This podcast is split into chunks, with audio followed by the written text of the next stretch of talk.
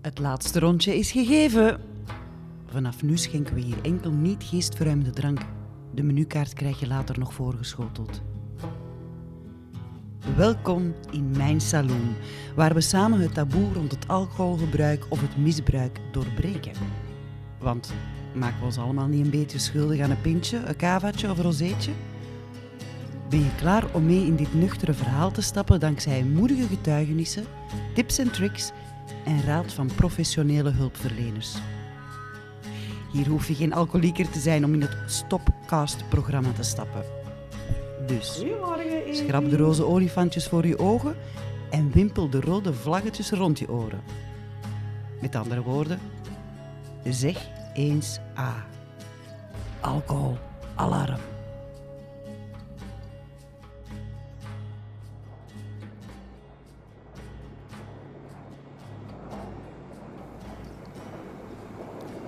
Fasten your seatbelt and listen to the podcast Alcohol Alarm. Attachez votre ceinture et écoutez le podcast Alarme d'Alcool.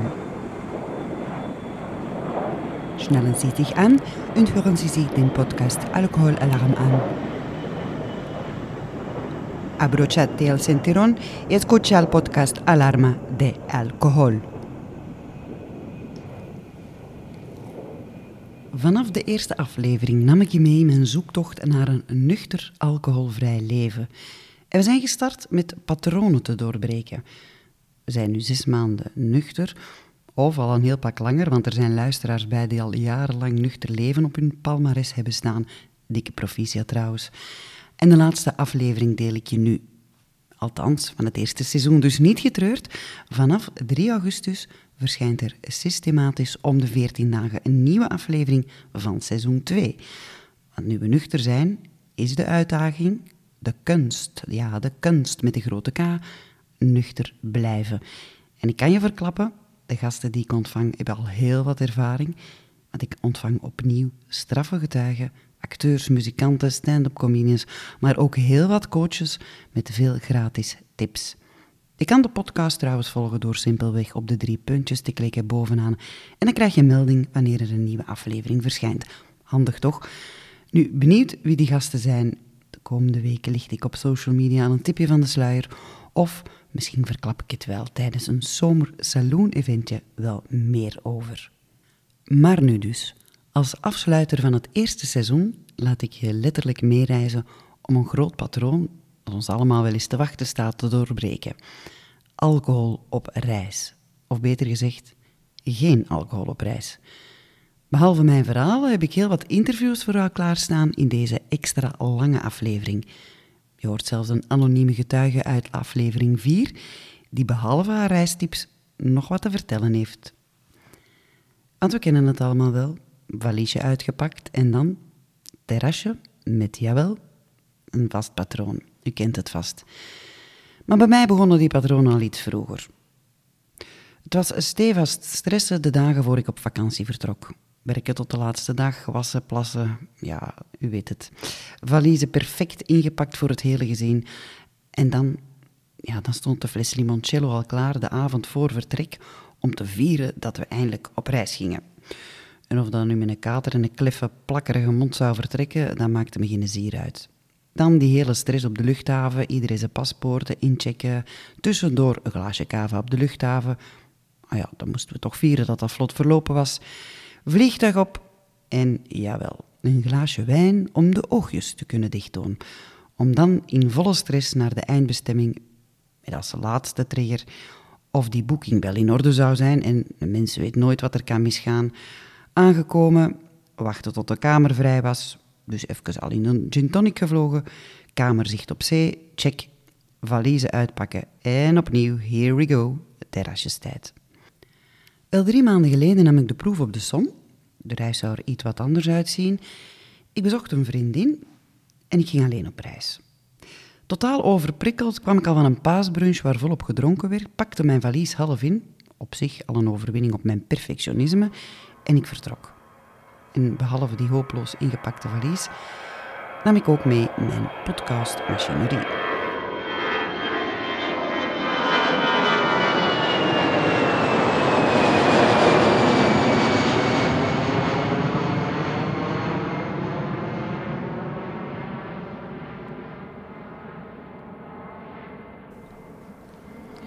We zijn aangekomen op de luchthaven ik heb afgescheid genomen van mijn man. Vond ik moeilijk.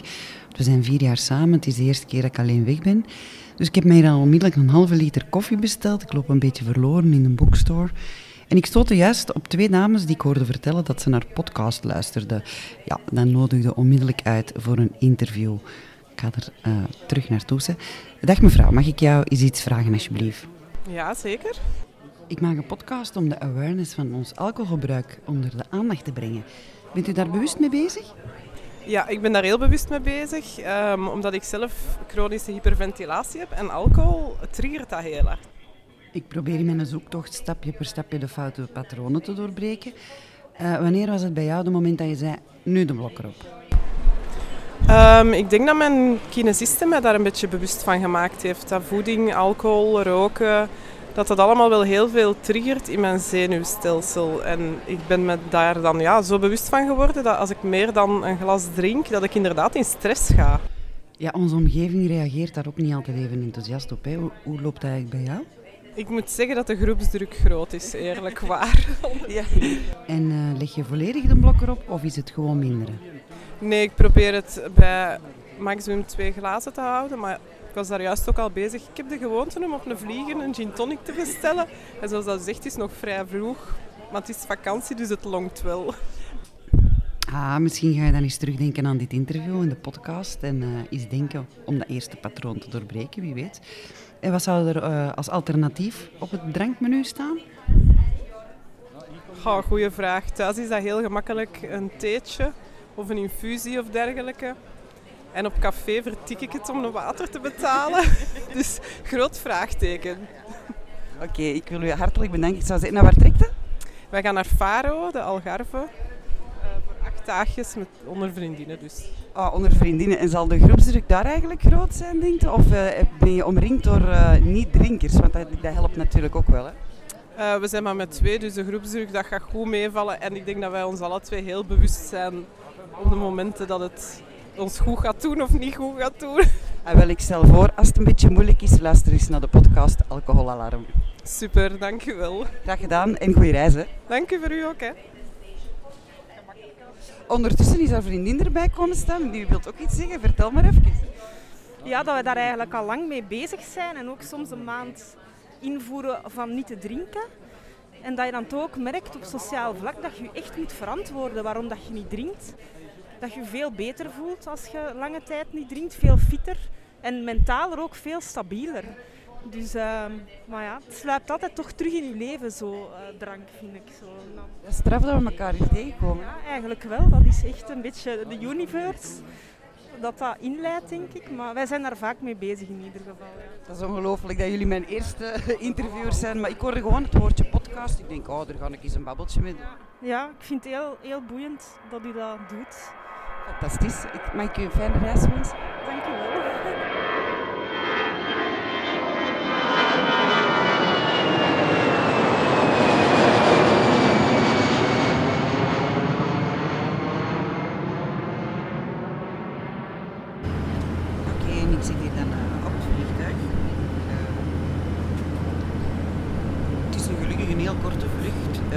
naast mij willen interviewen, maar uh, die spreekt alleen Spaans en ik denk niet dat hij een goesting heeft in een babbeltje, maar ik kan dat beter eens proberen.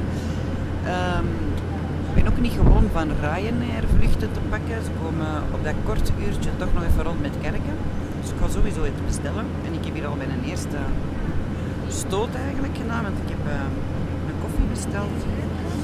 En uh, ik heb gereclameerd. Ja, want ik dronk van dat bekertje. En uh, mijn mond in vol van die gruzzel van die koffie. En je kunt het raden, dat systeem dus niet. Blijkbaar moet je dat met dat dekseltje erop, daar zit een filterje op, moet je dat zo drinken. En niet zonder dat dekseltje.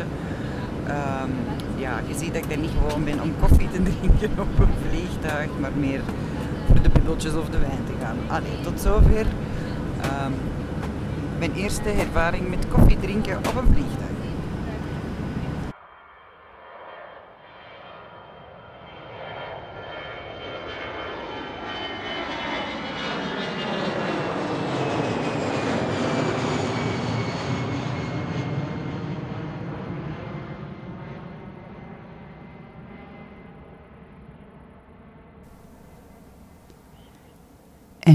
Fijn zou het zijn ergens te landen en dit te mogen horen.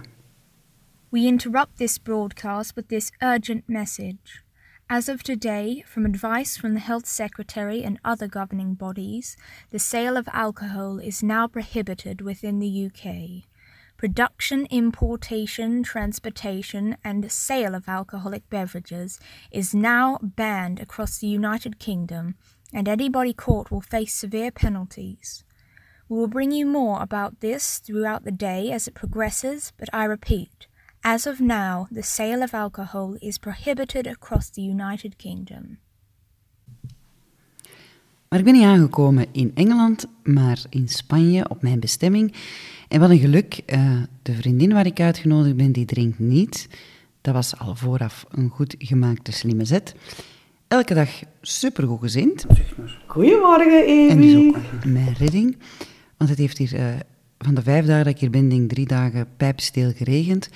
Gelukkig had ik mijn laptop bij om te werken. Jawel, op, de, op vakantie werk ik, weet het. Maar niks doen, dat prikkelt mijn zin weer naar alcohol. Dus dat is toch nog altijd een oefening, leren niksen zonder die roes. Nu, bovendien uh, werden we elke avond uitgenodigd om te gaan dineren met de residentiële gasten. Wat op zich ja, heel fijn was dat ik uh, daar mocht aan deelnemen, maar ook best zwaar. Drie maanden nuchter, nog de balans aan het zoeken tussen twee jaar telewerk en opnieuw buiten komen, ook overprikkeld aangekomen.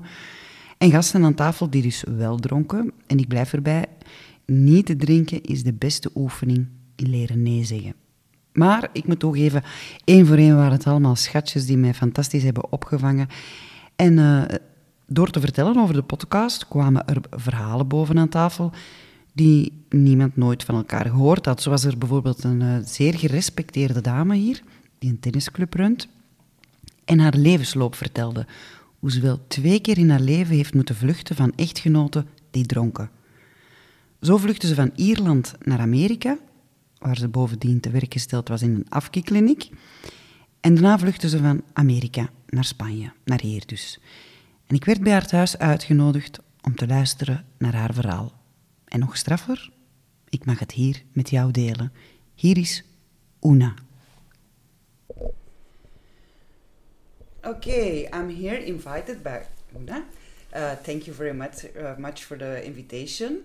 Um, you're a woman of the world, I heard, where we were talking at dinner. So uh, now I'm here at your home, especially to do the interview. And um, what I heard, your experience with alcohol are not so fine. Where does uh, your story start, if I can? Well, the story starts. Um, I was brought up in a home. I'm the youngest of five children, and uh, my father, he uh, never drank at home, ne- was never inside a pub, but in his line of work, um, where they seized alcohol, uh, they sampled it before they came back. So I had seen a little of. Um, and you lived the effects. The, uh, yeah, the effect. It was in Ireland. In sorry, in Ireland. Yeah, yes, in Ireland. Yes, yeah. yeah, yeah. And because Ireland is such, uh, drink is such a, a social, socially accepted. Yes. Uh, means of uh, entertainment, but then um, obviously it gets abused, like everything in life, yeah, at yeah. times. At yeah. times, yeah. So um, then I married when I was 21. Mm-hmm. My husband was 16 years older than I was, mm-hmm. and it took me about three months to realize that he had a problem, a big problem with alcohol. Mm. And uh, he convinced himself that he was only going out for one drink. But as I um, started going out with him, I discovered it wasn't one drink, it was always whiskey, whiskey, pints of Guinness, whiskey, glasses of Guinness, whiskey. And then when we got home, uh, because we lived in a small town and he was a respected businessman, everything was everything had to be kept respectable. That was Yes. the name of the game. Yeah. So, uh, neighbours, nobody ever knew what went on behind closed doors. And um, it changed my life. He treated me like I was the eldest of his children. and uh, I wasn't allowed answer back or say anything. I just had to put up with it. And um, when he came in at night, um, then the abuse started. He was physically abusive. Physically, oh, yeah, oh, yeah. yeah, yeah. He used his fists and his feet. Oh. And that's what, but it was always, if I went to leave the bedroom, I wasn't allowed because he stood against the door and I couldn't get out. So it went on from bad to worse as the years went on. And um, I had very bad experiences guns, loaded guns held to my head. Oh my my life threatened, my children's lives threatened. And eventually, um, I worked in the business with him. And we had a wonderful relationship in business.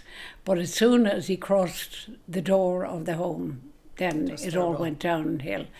And eventually, I plucked up the courage, having put up with 20 years of abuse. 20 years. 20 oh years. God. And I had been told by um, a doctor that I, years before that that I should get out. But when you four young Yeah. children, where do you go? You know, so I couldn't go anywhere. But anyway, in the end, they were getting the youngest was 11, and uh, the next uh, was my daughter, and then the next was uh, a son, and he was 13. And I decided to go to America Wow. and I had a sister. It was a big, big jump. But I had a sister in America, yes. and uh, she told us we should come there, start a new life. So my oldest daughter, Una, Yeah. Also, who's not yeah. comfortable talking about any No, of this at all. You know, there's a very big denial problem there.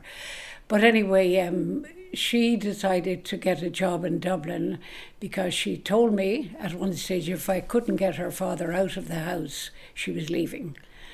So obviously I couldn't get him out, so she left.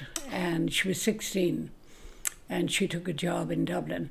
And then my oldest son, who was two years younger than Una, he decided somebody had to stay at home Yeah. with their father, so he stayed. He, stayed, opted, yeah. And you jumped. You take the jump and go. So I packed up and I left. And um, I went to America and I had uh, the two children in schools there. And um, when they graduated from high school, they both decided, one decided, my youngest daughter came back to Ireland, and my uh, son joined the army in the States. Okay. So um, then life went on. I had a very happy life there. I had no, I could come and go as I liked. I worked as a medical assistant for 25 years in America, and I had tremendous experience in the field of alcoholism because my boss in the first job, which was 23 years, he was. Um, the director of an alcohol and drug abuse rehabilitation centre. Okay. Plus, he had a family practice, so I saw everything and anything I can imagine. that I could possibly possibly see, and I did several courses in uh, counselling in the states. So then I was on my own. Um, Happily, happily on my own, swore I'd never marry again. but an old uh, school friend from way, way back, uh, I knew him when I was at school. We happened to get together, and um, he convinced you to go. he came to America and we Oh, got wow. married. But then, face, yeah, face and then he developed. Well, he he hadn't got an alcohol problem in Ireland, but he certainly developed one in America, Yes, and that became a big, big problem. of course. And uh, so then we thought he only stayed for four years, and we decided to up and leave America and come to Spain. Yeah. So the situation got worse in Spain because if you don't have uh, something to keep your mind occupied, all you do is drink and eat, get fat and die. yeah. quickly. But anyway, um, he had a, he had a major problem, and uh, it he all came back to you. Oh, did oh, yeah. yeah. He wasn't abusive, but he was. Um, he just when he drank, he couldn't stop, and um, he was verbally very yeah, abusive. yeah, and that mentally it's very and mentally hard. it does. It's very very difficult yeah. because when men with alcohol, funny, I'm tall.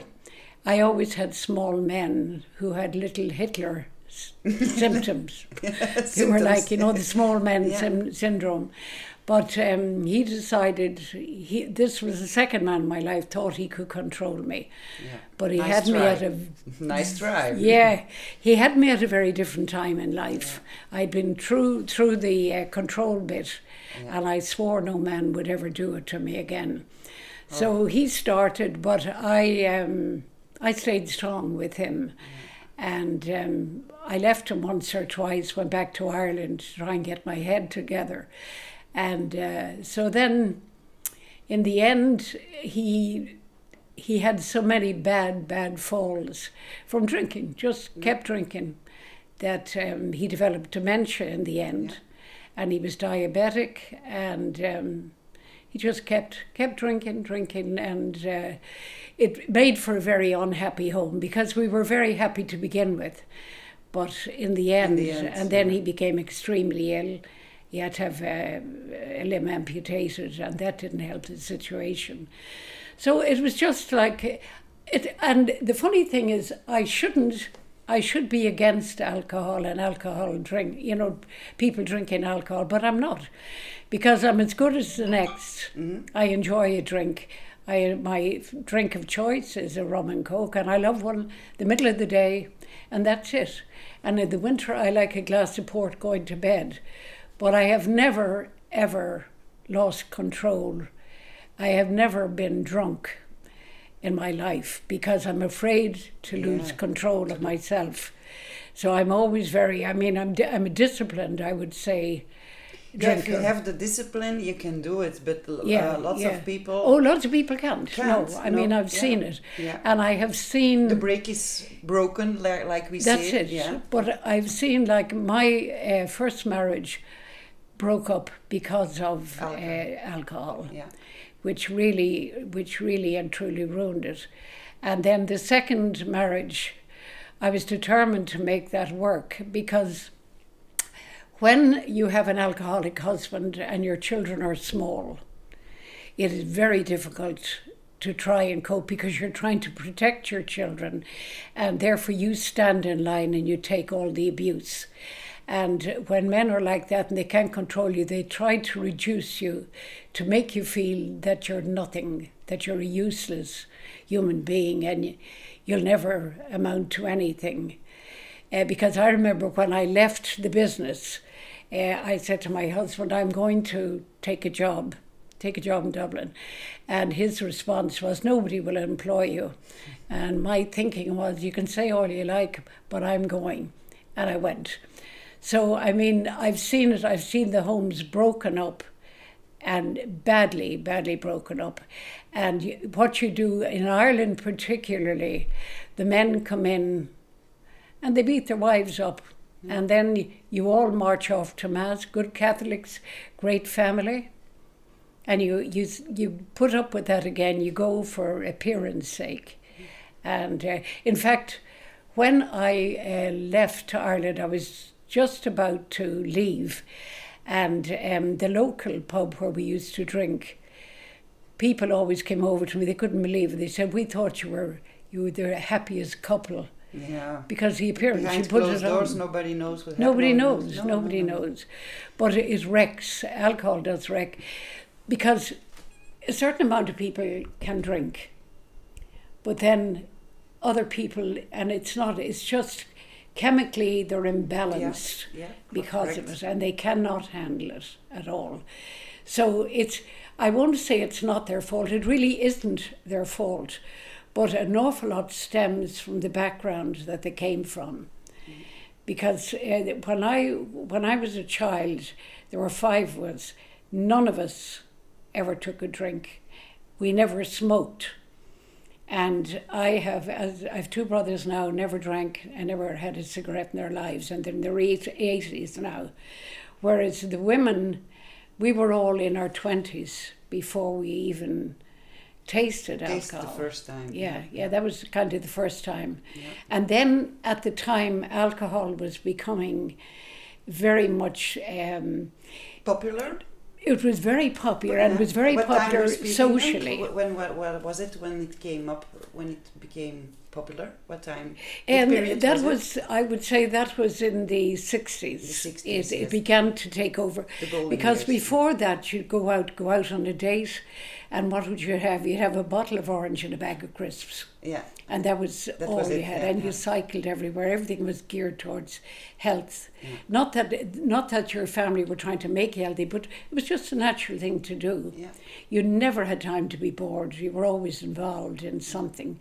But in the sixties, things changed, and then the drink started coming in slowly, and it really copped on very fast. And I found the difference between the 60s and the 70s. I was very involved in sports, and particularly in the tennis field in Ireland. And I used to find that there was no such thing as a bottle of orange. It was in, if it was a cold day, it was hot whiskies, and Yeah. there was all, you know, it was just acceptable. That was the whole thing. But nobody was getting polluted or otherwise, you know. it, was, it was quite amazing. But it's, um, I've seen the damage so much. Like in my own life, I've seen it uh, working in the alcoholic field.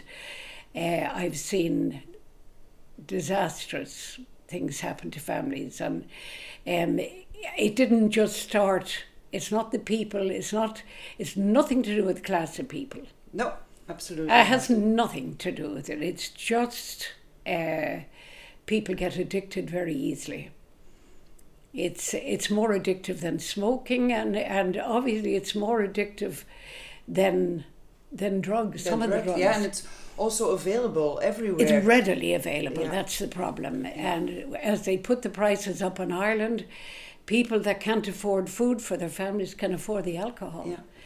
But uh, when I was in the States, heroin was the drug of choice then. It was huge at the time. And, uh, but alcohol far out, outdid it. Yeah. You know, alcohol was always. And you had young people, particularly coming in from Ireland, coming over trying to start a new life. in America. And yeah. the number of these young men that just went right down the tubes, they never saw so much alcohol at such a cheap price. They thought they were in heaven. They very nearly were. Two of them, I think, passed away as a result of uh, alcoholism. It's a very tough, tough disease, and there is there's no cure. It's up to the individual. yeah. It's That's all- it, you know, um, it Well, Yeah, it you have to be strong. Yeah, you have to be, but you can't tell anybody and you can't do it for anybody. It has to come from within. That's And true. it's the strength they have. Some of them I've seen people go into rehab, come out very successfully, and they've been in, some of them were in for like six months. And they'd come out and everything was going fine, and the next thing hear, they're back in again. And looking at it, you're thinking, what the heck is wrong with them? Like the money is down the tubes. It's not cheap in America to go into rehab. But they'd come back out and the same thing all over again mm-hmm. until eventually alcohol took over and that was their their destiny was with the Lord. Yeah, you know? you have to do it by yourself. Eh? You have to believe Yeah. in it, believe in yourself. But with we can help each other a little bit. Oh, and absolutely. you do it absolutely. absolutely. Yeah. Think uh, with uh, sharing your story Yeah. with us because it's very interesting. Uh, You need the support and you need the support Yes. groups. And I have great admiration for AA yeah, because they really put themselves out on a limb to help people. It doesn't suit everybody, no, but for the people yeah. that it does suit. I have a, a stepson, and when he was 17, he lived in Ireland. Uh, he worked in a bar. And at 17, he became an alcoholic. And um, the parents at the time were, they didn't know what to do with him. And uh, he had a cousin living in a part of Spain. And she said to him, Come over. and he came over. He was just, he had gone totally to the dogs. He picked up, he stopped drinking. He, did go to A and he went to some support groups. He went and took his degree in English and Spanish. He is now running a business Wow. with something like 30 people Yes. employed here in Spain. What a beautiful story. Yeah, he's a successful story, and Yeah. he's never touched a Yeah. drink again. He was just there wasn't. He was actually a kid that was in school that was bored with Yeah. school, and uh, there was nothing for him. So he decided, okay, he took a job part time in a in a pub, a local pub, and he knew everybody. Everybody knew him, and he was a lovely, lovely young man. And uh, then that involves it doesn't just involve the drinking, but then there, he was taking like his father's credit card and Yeah, you know no good news. taking Yeah, money yeah, to go get it. They have to, yeah. But it's a very, very, you know what it's like? It's like an early onset of, it could be any disease, but alcohol, it's the happy way that you go into it. Because alcohol makes a lot of people feel really good about themselves. Till, and till gives one them- point. Yeah, to a till one point. point. And then after that, you get over that. It's like taking a fix. I've never had drugs, but it's like from what they describe, they take uh, cocaine and they get the high. yeah. And then suddenly, with continuous use, Yes. Then their health is affected and they start going going downwards. Yeah, downwards. And that is the that is the biggest problem. But I would never condemn the use of alcohol. I would condemn the abuse of. Yes. Nice said. That's about it, you know. What a nice interview. May I Oh, tell and- you that you're a very strong and powerful woman, and I've um, lots of respect what you achieved thank in you. life. Yes, Yeah. absolutely. No, I've, I've, I don't. I, it doesn't bother me to speak about alcoholism because I've been through it. Yeah. You know, I really have. But um, in different ways, I've been through it. From the abusive situation, from the mental, um, like the, the, my first husband, he was mentally abusive. Yeah. And I mean, he would tell me he wanted to, he had to, he was going to tell me something that, but I wasn't allowed to speak. I had to sit on a chair, and if I, I'd be going, but, and he'd say, I'm, it was like Judge Judy, I'm speaking. Judy. and I'd sit there like a fool. And when he was finished, I'd say, but, but, and get up and walk out of the room. So, I mean, uh, my sisters used to say to me, he's a little, little man. Yeah. Why don't you just hit him with something? But I, I, do you know what? I was terrified all my life of him. Terrified of him. Yeah. You know, I used to really. Uh, it was so bad that um, I used to go out to my mother every Sunday, bring the four children. She'd mind them when they were very young. She'd say, "Go up and play tennis." I'd come back and come home, and in order to get to the house, I had to cross a bridge. And my heart, the minute I came to the bridge, would go bumpity, bumpity, bump, terrified. I had to be home at ten o'clock. I was Cinderella with two hours Yeah. knocked off. but yeah, it was really it was a it was a really rotten resist, uh, existence altogether, you know.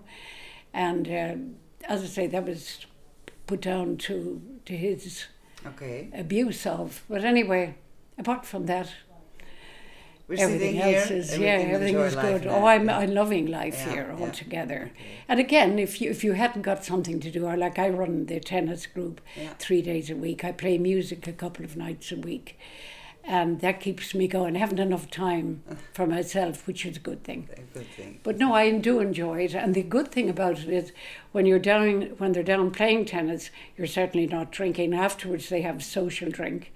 When you're playing music, you can't drink because you're playing all night. You yeah. play three hours at a, at a That's clip. why also always say, uh, get Yeah. a new hobby, do something new. Exactly, and something that the- something that you love that Yeah. takes you away, Yeah. takes you out of harm's way, really, doesn't it? Yeah.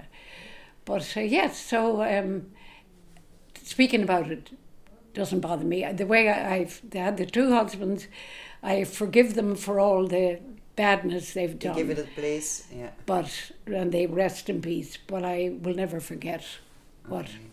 And the trouble is with my own children, they don't remember. and uh, particularly with she doesn't want to know she doesn't i often wonder i'd love to get into her head to know what, What kind of dreadful yeah. memories Yeah. she has of growing up because she was the eldest Yes. and my youngest daughter came to take care of me after the surgery and she asked the question she asked me i was dumbfounded going back over the years because she didn't understand and she was trying to get me to explain to her now. She's 52 and she's asking me now about things that happened. But she saw more than Una. Una turned blind, blind eye. She doesn't want to. And I'm sure she's hurting from Yeah. it. That's why I think she's not comfortable Yeah. to talk about it. But I thought, well, your mother will open her mouth anyway. I'll, I'll, I'll certainly talk about it. No, I just, uh, I enjoyed even uh, during the counselling thing and that. I really enjoyed that because it gave me, it helped me. It's like a therapy for you. Exactly. A little bit, It gave help- me an yeah, insight yeah, into Yeah. why Why, and yes, wherefore. where. I could never understand somebody saying they did not remember what went on the night before. I couldn't understand that. I thought that's just weakness. You don't want to remember. But then I learned all about the blackouts. Yeah. And I thought, okay, then there is That's- a reason true, yeah. for it, that it does happen and people don't remember. But that didn't change my mind No. too much. no, no, no. I, I wasn't being sympathetic about blackouts at the time. No, and I still, as I say, I'm uh, like when I when I go out and that I enjoy a drink, but I don't want to sit and drink, drink, drink. I have a limit to what I will let pass my lips. I love to hear that. I love yeah, to hear that. I do. I really have a, you know, I, I'm, I think I'm sensible enough, but I, I am a very disciplined person. Yes. And that helps me, you know. And through all the bad experience, it has made me a stronger person. Wow. I don't. I think nothing would knock me now at all, you know. No, I'm sure of that. Certainly not a short man. Lovely to end. May I thank you for this beautiful You're very inter- welcome. interview. Very thank you very much. indeed. Thank you very much. Thanks.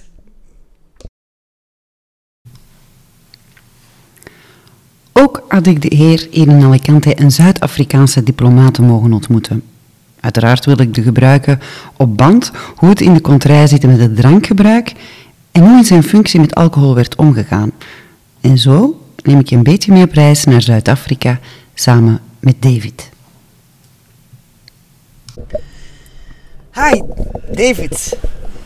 I'm very happy you want to talk with me about uh, alcohol all over the world because uh, for your job you traveled around the world because you were a diplomat. So tell me, you are from? From South Africa. And you can tell me something about uh, the policy over there. Alcohol is it uh, easy to get? How how does it work over there? Well, in South Africa, it, it's I suppose like everywhere, it's pretty easy to to to get, um, and it's part of our social structure. People go out, um, you know, to have drinks, especially at the weekend. Although a lot of entertainment is done in people's homes. Home? Yeah, at home. Um, and we have open houses, things like that, where people come along. You get a social to get together, maybe 30, 40 people. And at weekends, you know, uh, I may have an open house. So everybody comes round, they bring what they want to drink, what they want to eat. And I will light a fire. We call it a braai A braai, yeah. and uh, they will cook their own food and drink their own drink um, Okay, yeah. because you can't pay for 40 people every No, uh, no, no, that's time normal, at yeah. yourself so um, yeah and people um, so somebody may want a steak somebody may want sausages they bring it they cook it and the good thing is at the end of the evening what they haven't eaten or drank they take home with them Ah, okay. Yeah. Okay. Yeah. so that's a sta- okay. If you have a a birthday party or a celebration, then of course you will invite your friends round and you provide all Yes. the food and the drinks. But um, that's a sort of fairly typical South African way of, of Ah, doing things. Okay. And always celebrate something with alcohol, I suppose. Well, yes, we're known quite well known for liking a drink. Yeah. And the uh, wine is very good in uh, South Africa. South African wine is very, very good. Yes, yes, that's Uh, true. as you know, it goes all over the world. And um, we have some very good beer as well. Uh, okay. Not as good as Belgium. you have so many different kinds. Yeah. But, um, you know, we, we, we have basically lager, castle lager, lion lager, which many South Africans like. Mm-hmm. Although real beer drinkers tell me that uh, this is rubbish. It's not real okay, beer. okay.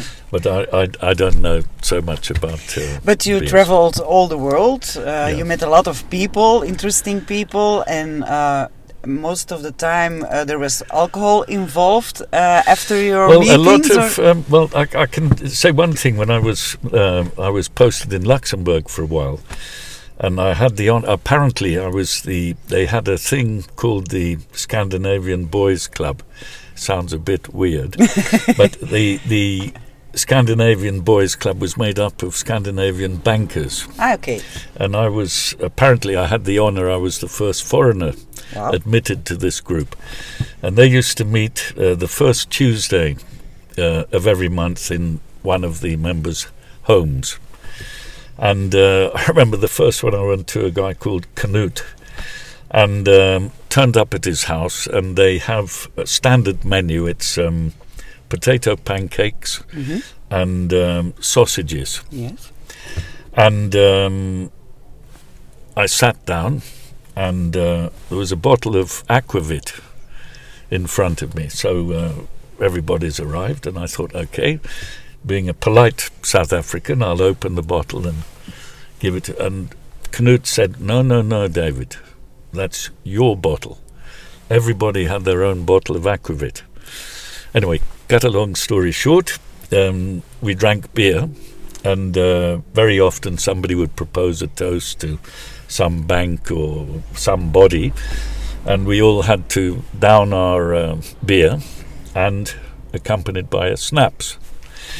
Now, um, being a South African boy, I understand that um, to keep yourself sane or sober, you must eat a lot. So I was eating a lot of the potato can- pancakes and these sausages while drinking a lot of this stuff. Anyway, um, the first people began to fall over and be driven home by taxi around even 9.30, I think. Um, and I kept going because I was eating a lot. Anyway, um, Knut uh, and I were left. I think I had a bottle and a half of Aquavit. I wasn't um, drunk, but I have to say, for three days afterwards, I've never had such an incredible hangover. Well, you know, oh, I was wasted. And Knut, the host, uh, he was two meters four, by the way, a very big uh, Norwegian guy. He didn't. Uh, he looked as if he'd maybe had a glass of lemonade or something.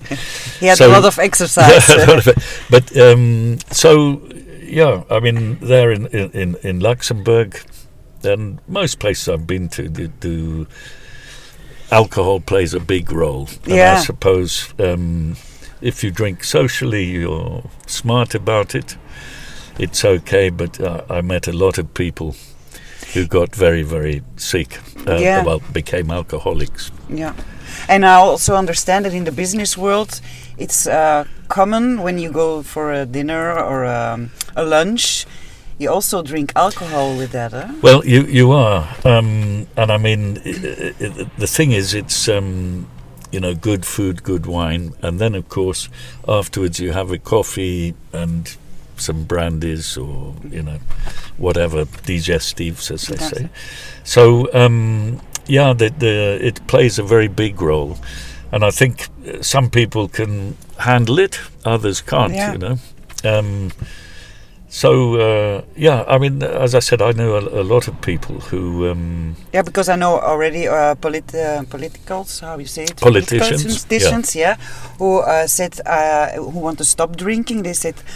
I uh, stopped with being a politician. uh, help me Politician. yes, Politician. thank you, thank you. Because I have to go from one uh, reception to the other, and I can't manage it. Well, i th- this is the thing. You can't. I mean, um, you you might be able to get away with having a few glasses of water one Yeah. day, say I've on antibiotics or something, Yeah. I've got flu. But it's part of Always that that excuse, life. You know, you can't have flu 365 Yeah, yeah, days a year. So, yeah, it's um, it's part of that culture. Yeah. Um, sadly, no problem. Take it off. Excuse me. no, no, it's no. Um, yeah. So it it, it is. Um, you know, I don't know. Sadly, but um, for some people, it is sad. Yeah. One last question. Um, is there one country you say they ha- their policy is right, or they're a little bit smarter with that, or um, I don't know, in in in in, the north, or um, I don't know. Um, um, I don't. I, I can't really. Uh, It's a I worldwide can't think problem, of. say- I it, it is a worldwide problem, and sadly, you have peer pressure. You know, younger males. You're not a man unless you drink, and when you get older, you're supposed to be able to handle your five brandies or so, and you know, so th- there is. Um, sadly, it's part of our culture. yeah. Um, you know, perhaps cultures in the East that don't drink hmm um, might be better off. But I think, like everything in moderation, there's nothing wrong with alcohol. The problem is if you've got breakfast meetings, lunch meetings, dinner evenings, you can get into trouble Yes. because you're expected to have a, a glass of champagne or whatever at breakfast, lunchtime, and so on. And then, of course, it builds up, and you you um, you're heading for for disaster.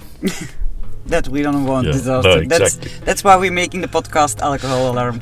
Well, no, it's it's uh, very important, very important. Thank you very much for this a, conversation, a David. pleasure. Thank you. En David was de laatste op mijn tripje die ik interviewde. Dus terug in mijn saloon besefte ik dat ik totaal uitgeput ben thuisgekomen. Dat tripje dat kwam gewoon veel te snel voor mij. En ik kan zeggen over die personen die ik heb geïnterviewd. Oh, je komt eh, wel heel toevallig die personen tegen, maar niks is minder waar in dit geval. Iedereen heeft wel ergens een link met alcohol. En zo deed ik ook drie maanden geleden een warme oproep naar luisteraar over heel de wereld. Ja, want jullie luisteren massaal vanuit alle continenten. En ik kreeg daar gehoor aan. Ik kan het misschien al raden waar, vanuit mijn happy place. Maar hey, we zijn me daar precies toch nog niet vergeten, want we luisteren nu naar Katja. Hey, ik ben eh, Katja en ik woon eh, in Bali, Indonesië. Eh, ik ben een trouwe luisteraar van EVR Podcast. Ik vind dat ze dat fantastisch doen. En ehm, ik denk dat ze daar wel in slaagt om veel mensen bewust te maken van ja, wat er aan de gang is qua alcoholgebruik en misbruik dan vooral. Ehm, Ik denk dat veel mensen dingen gaan beseffen. Ze gaan dat waarschijnlijk niet toegeven. Maar ehm, ja, ik vind dat ze dat fantastisch goed doen.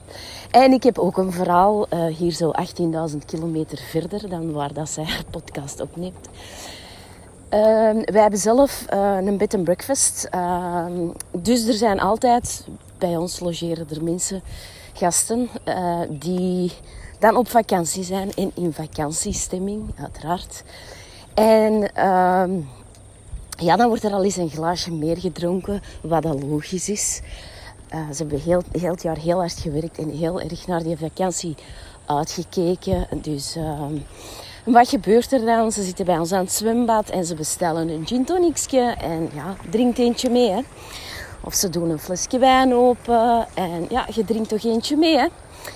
Eh, ja, ten eerste, dat is ons, ons eh, job, niet om mee te drinken, maar ik bedoel, eh, ja, mensen betalen dat. Dus eh, ehm, ja, en het, is ook wel gezellig, moet ik eerlijk toegeven. En ja, in het begin deden we dat dan. maar dan vragen er mensen het heel vaak bekend volk over de vloer, vrienden of kennissen. Ja, je gaat toch mee een hapje eten vanavond. Of je gaat toch mee een sunset drink doen aan de zee. En op den duur, ja, drinkte elke dag alcohol. Nu, wij waren er al heel snel achter, mijn man en ik. Eh, wij zeiden ook van, ja, wij zijn niet op vakantie. Hè. Die mensen zijn op vakantie. Wij moeten ook nog altijd wel werken. Want je gaat dan ook wel eens mee uit, hè, tot s'nachts of zo. Maar wij moeten daar wel om zes uur s ochtends terug zijn voor de andere gasten, die niet tot tien uur in hun bed blijven liggen. En ehm, dus we waren daar al snel achter dat we dat niet konden blijven doen. Dat is ehm, ja, ook een duur, een duur grap voor ons. En uh, dat is ook gewoon niet gezond. En dat is ook niet normaal. Dus wij zeiden ook vaker van... Nee, nee, nee, nee, wij gaan niet mee. Um, uh, en mensen begrijpen dat ook niet, niet altijd. Maar uh, om een heel lang verhaal kort te maken. Dus ja, hier, hier... Ik denk dat het hier ook wel moeilijk is om een beetje een balans te vinden tussen een glaasje drinken een keer voor de gezelligheid en u niet elke dag laten meeslepen en, en elke dag drinken. Want dat is uh, enorm ja, ongezond. Hè? En ik denk dat we daar wel in slagen. Uh, ja, veel mensen zeggen dan van zucht, doe eens niet asociaal. Uh, ja, ik bedoel, daar heeft dat niks mee te maken. Maar ehm, ja, voilà, dat wou ik uh, meegeven. Uh, nogmaals, ik ben heel trots op Evie, wat ze doet. Uh, enorm trots op haar. En uh, ja, ik hoop, en ik weet dat zeker, dat ze daar heel veel mensen mee kan bereiken. Dat er ogen gaan opengaan en dat mensen effectief er ook iets aan gaan doen. Wat dat daar bedoeling is, uiteraard. Hè. Dus voilà, dat was het voor mij uit het verre Bali. ik zou zeggen, ja, doe ze verder, Evie. Ik ben heel trots op u. Dag, dankjewel. Dikke merci, Katja. Toen mijn hartje echt sneller slaan. En ik kan je uh, vertellen, maar je weet het misschien al deze week. Ja, ik ben nu meer dan zes maanden nuchter. Uh, ik doe opnieuw een poging op vakantie te gaan. Jammer genoeg is het niet Bali, maar Tenerife. En ik ga er eens proberen van te genieten. Maar daarvoor wou ik toch nog iemand aanhoren. En ik bel haar op. En jij kan gewoon stiekem allemaal meeluisteren. Want last but not least sluit ik graag deze reeks interviews af met een dame waarvan je haar getuigenis al eens mocht aanhoren. Het was een anonieme getuigenis, maar ze heeft er nog een en ander aan toe te voegen. Niet alleen aan deze aflevering, maar ook aan die getuigenis zelf. Hier is Katrien van... Puntje, puntje, puntje.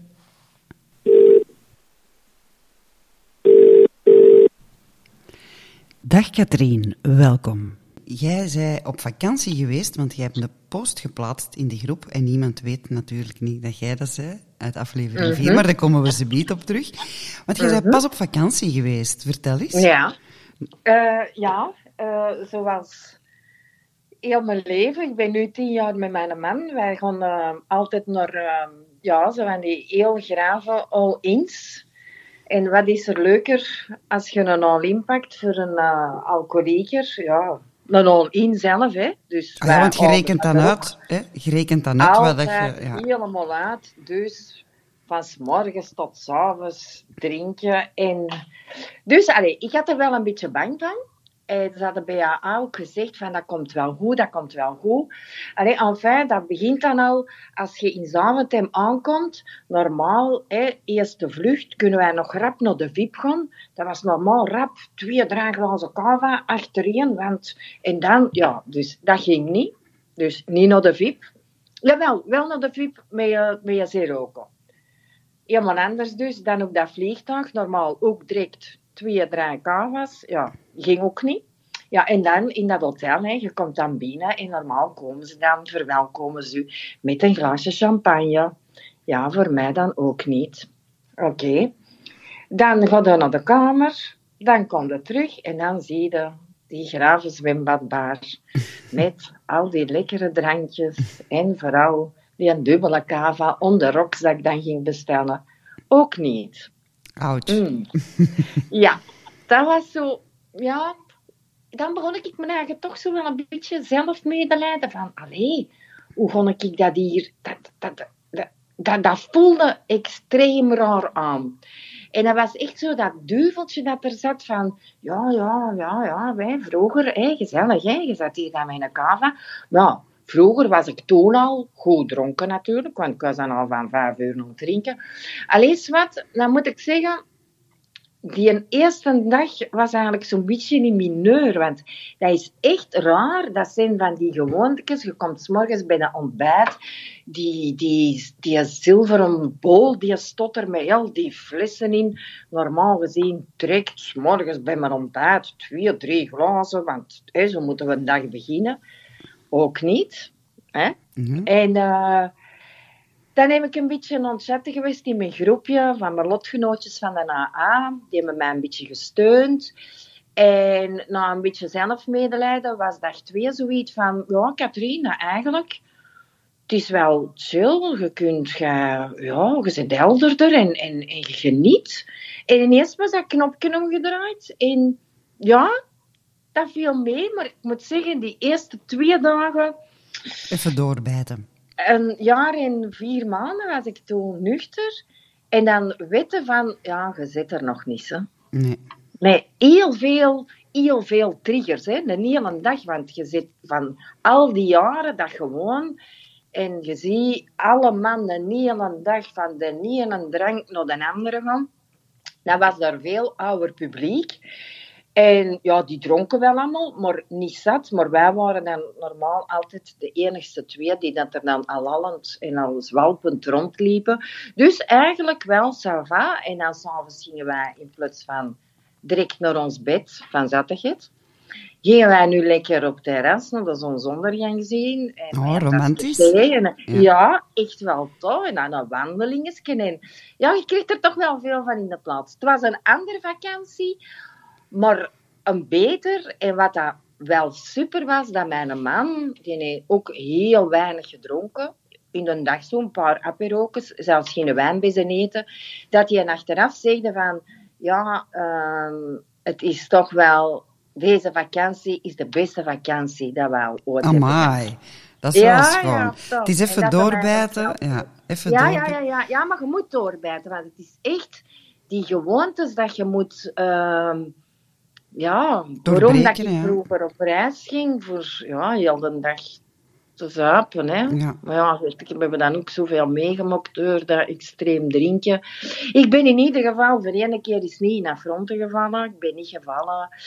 Ik, eh, nee, goed. Echt ja. tof. Ja. Moeten doen. Ik zal tegen iedereen zeggen, even doorbijten, die een duvel opzij duwen, onder een, op- onder een schouder en dat engeltje nemen. En ja, het stond Mm. mij al zo ver. Allee, ja. Nee, ik ben echt en achteraf bekeken. Super, super vakantie gehad. Allee, kijk goed, ze ziet er fantastisch uit. We zijn hier aan het videocallen trouwens. Hè. Spijtig dat ze niet kunnen meekijken. Ja. Eh, maar binnenkort kunnen ze, kunnen ze wel weten wie dat jij bent. Hè? Want je bent Ja. niet meer zo anoniem. Vertel eens. Nee. Nee, eh, toen nou jij mijn eh, die podcast opnam, dan had ik nog wel zoiets van, ja, ik had zo nog, en ons mama zei dan ook zo van, niet meer je achternaam, hè. Mijn man zei ook van, ja, zeg niet je achternaam, hè. Maar nu heb ik zoiets van, ik heb dan wat postjes gezet in alcoholalarm, ik kreeg er eigenlijk redelijk veel respons op. Ja, allemaal heel toffe reacties. Hè? Ja, allemaal kei toffe reacties. En nu heb ik toch zoiets van, ja, waarom mag mijn achternaam er niet bij? Ja. Ik zou niet weten voor wat niet, want ik ben eigenlijk trots nu. Ik ben een, ik weet, ik ben ziek, ik ben een alcoholiste, maar ik ben daar, allee, ik ben trots, ik heb dat overwonnen en, en ik ben blij dat ik AA heb en dat, dat, nee, dat mag je ja, nee, dat mag geweten worden. ja, want dat was zo ons geheimpje. Als jij het postte Ja. in de groep, dacht ik, ze moesten niet weten dat jij de anonieme Ja. getuige bent. En het is altijd Ja. zo heel positieve reacties. Dat is altijd wel eh, heel plezant. Ja, ja, ja, ja, En de mensen die je ondersteunen. Dus vanaf nu mag iedereen weten dat jij, Katrien, Van Kamp, bent van, Voilà, van podcast nummer 4. Ja, van podcast nummer vier, de stralende madame, die eh, dikwijls ook foto's van zichzelf post. Hè? Ja. En, En- ook vooral de voorfoto's, hè. Ja, de voor- Waar ik en- redelijk beschaamd voor ben. Ja. Maar dat is nogal een... Dat zet ik nou niet op mijn, op mijn gewone Facebook. Nee, bij ons, eh, dan iedereen groep, moet dat Ja. weten. Ja. Maar deze in die groep, omdat je, je krijgt eigenlijk zoveel steun. En iedereen is zo eerlijk in die groep. Ja, Ook als ze een schaverken hebben gedaan en dingen. Vind ik dat dat nu wel... Oké, dus iedereen, ik ben Katrien van Kamp van podcast nummer 4. Dat is zo fantastisch. Krijg je er kiekenboebelen van, zeg. en misschien krijgen de anderen ook wel zin uh, om iets deel te nemen aan de podcast en hun verhaal te vertellen. Hè? Ja, ja, ja. ja, dat was voor mij een enorme, een enorme ervaring. En uh, iedereen dat ik, van mijn vrienden dat dat even beluisterd, hebben allemaal hetzelfde gezegd. Uh, punt 1, allemaal van, oh Katrien, ik wist niet dat het zo erg was. En dan zeggen ze ook van, uh, vooral ook ons mama en mijn man ook van, we zijn zo trots op u. Um, ja. Prachtig. Ja. Ja. ja. Maar het is een lange weg geweest, maar het gaat hoe langer, hoe buiten hier en daar een triggertje. Dat, ja, dat zal iedereen wel hebben. Ja. Dan denk ik direct nu van, ik kan dat rap, behalve dan op vakantie, rap dat triggertje, dat ik zo iemand een kavaatje zien drinken, dat zo helemaal sprankelt. En ik, Ja. ik proef het nog in mijn mond. Maar dan heb ik zoiets van, oh nee, nee, nee. Ik kon toen niet meer mee en niet meer zonder drank, dus nee, dat doen we niet. Nee, want de Nee. rem was kapot, hè? Ja, totaal. Ja. Totaal. En ik heb het dan eigenlijk nog eigenlijk in mijn podcast een beetje verbloemd, want allee, ja, ik heb wel heel ver, heel, Ja, heel, ja. heel ver geweest. ja. Maar, je- Maar goed, dat is voorbij, hè. maar weet dat je een, werken eraan. een inspiratie voor velen hè? Een inspiratie voor velen, hè? Ik, ik heb al heel veel reacties ook op die aflevering gekregen, want dat is de aflevering over de gastric bypass, waar we trouwens in het tweede seizoen ook nog eens een beetje dieper gaan op inzoomen. En eh, lukt, lukt dat al zo wat de combinatie nu eh, het juiste eten vinden? Met, want we kunnen nog altijd niet veel eten. Mensen zeggen dan ook, maar je kunt dan eens wat meer gaan eten. Maar dat is niet, hè. We kunnen niet Nee. veel eten, ook niet. Nee, nee, nee, nee. En daarom, ja, ik ben dus door dat stoppen met drinken. Eh, ik was een beetje bijgekomen van, die, van dat laatste jaar zo extreem te drinken. Ik had dat niet meer. Maar dat zijn zoveel suikers dat je binnenkrijgt, Ja. dat je echt opzwelt en dingen. Dus ik ben eigenlijk op dat, die eerste zes maanden was ik gewoon 10 kilo vermagerd, gewoon door die suikers niet meer te hebben. Hè. Ja. En ik blijf ik gewoon stabiel en Ja. we doen wij stille voort. En ja, alles va. Kijk, hoor. Ja, we volgen wij gewoon ons 12 stappenplannetje. En... Ja, maar niet meer zo stil in de groep dan, hè? Nee, Ja. nee, nee, nee, nee, nee. Katrien van Kamp van podcast nummer 4. Ze gaan het nooit niet meer vergeten. Nee. Goed, Katrien, eh, nou, nog iets mee? te- Ik denk dat, dat je al veel tips kunt geven. Zeg, en in de loop van de tijd, er zullen nog wel tips zijn die dat je in de groep kunt delen. Feel free, hè, zou ik zeggen. Hè? Ja, ja, ja, ja, ja, ja, ja. Ja, nu ga ik weer zo eh, van de week. Als ik, ja, maar dat moet zo opkomen Ja, bij mij. ja, vanuit een buik. ik- ja, ja, laat dat volledig gaan, dan ja. ik En dan begin ik te schrijven Ja, en dan is eh, is dat wel zo. Dikke merci ervoor voor de Dat is ondersteuning. graag gedaan, Oké. Evie. Ik zou Ik zeggen... ben ook zo trots op u. Ah, is het waar? Oké. Ja, en ik wil ook zo bedanken voor die... eh, Ja, dat was zo echt wel een heel ding hè, voor mij. Dat ik dat heb gedurfd. En dat heeft mij ook wel nog verder geholpen in het, ehm, in het nuchter zijn. Echt wel, hè? Kijk, mooi. Ja. Kijk, mooi. ja. Zeg, daar word ik En stil onze van. vriendschap dat we er al hebben Uiteraard, sowieso. Dat is voor het leven, dat, Dat weet ik sowieso. Ja, dat is. Ik kan er niet veel niet meer aan toevoegen. Nee. Ik zou zeggen, merci. Kon- we zullen afleggen en dan kunnen we nog een beetje nachatten met ons twee onder elkaar. Oh ja, dat is goed. Is dat goed? Oké, Oké, dag iedereen. Dag Sjoeke, dada. Dada.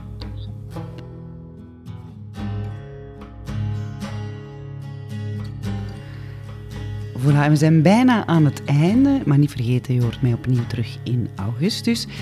En je zal merken, dan praat ik nog minder tegen mezelf.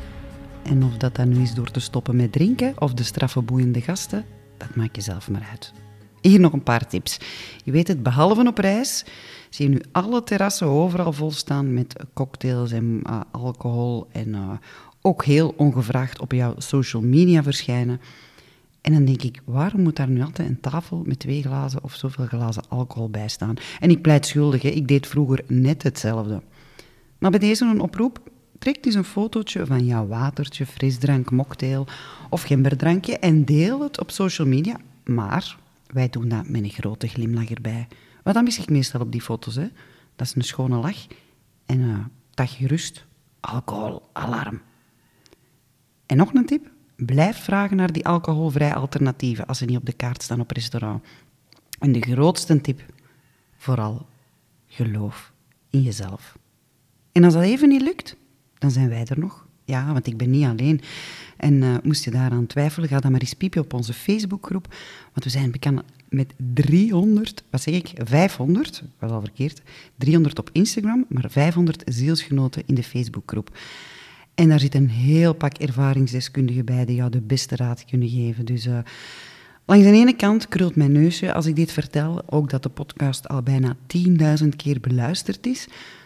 Maar eerlijk gezegd is het ook een beetje triest, want dat betekent dat er wel degelijk een zwaar maatschappelijk probleem is. En dat kunnen we alleen maar samen onder de kaart brengen. Dus vertel het voort en blijf luisteren. Naar goede gewoonte sluit ik deze aflevering, maar nu ook dit eerste seizoen af met een gedicht. Maar wie weet komt er tussendoor wel een bonusaflevering, blijven volgen dus. Maar dit gedicht die stond al heel lang geprogrammeerd om in deze reisaflevering te publiceren.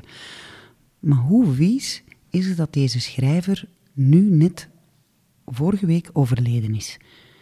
Ja, want wie een beetje mee in de geschiedenis van de Nederlandse literatuur, kent vast wel Remco Kampert.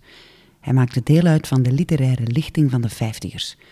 Een bejubeld Nederlands schrijver, columnist, maar ook als dichter die bekend stond, en luister nu goed, voor de grootste feesten te vieren onder het genot van alcohol. Heel veel alcohol. Hij brak door met de roman Het leven is verrukkelijk. En toch, in 1970 schreef hij volgende tekst die ik graag nog wil delen. En ik vraag me erbij af, had hij toen al een glazen bol? Wist hij dat er ooit aan de alcoholalarmbel zou getrokken worden? Je luistert nu naar het eerste deel van het drieluik met als titel Iemand stelt een vraag. En als kersting op de taart van seizoen 1 lees ik de tekst niet zelf. Maar weet jij naar wie jij nu luistert en wij als eerste gast mogen begroeten in seizoen 2?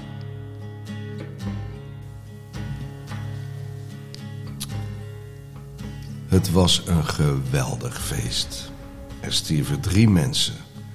Eén van ouderdom, één door alcohol, één omdat hij vocht met de slang. Oh, maar er werd gezongen, gedanst en gedronken. De pijp ging rond en de pruim. Oude verhalen werden nieuw. Opa's stonden in hoog aanzien. Die zeiden dat het zo altijd was geweest. En altijd zo zou blijven.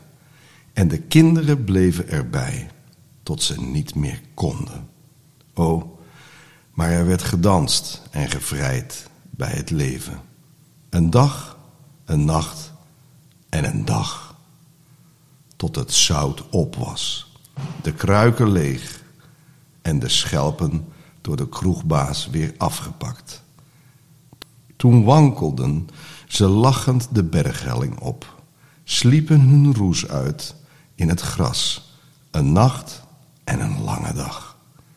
Terwijl ze sliepen, reden, beladen met het werk van hun handen, in kratten en balen verpakt in bewaakte kolonnes, de vrachtwagens naar de stad.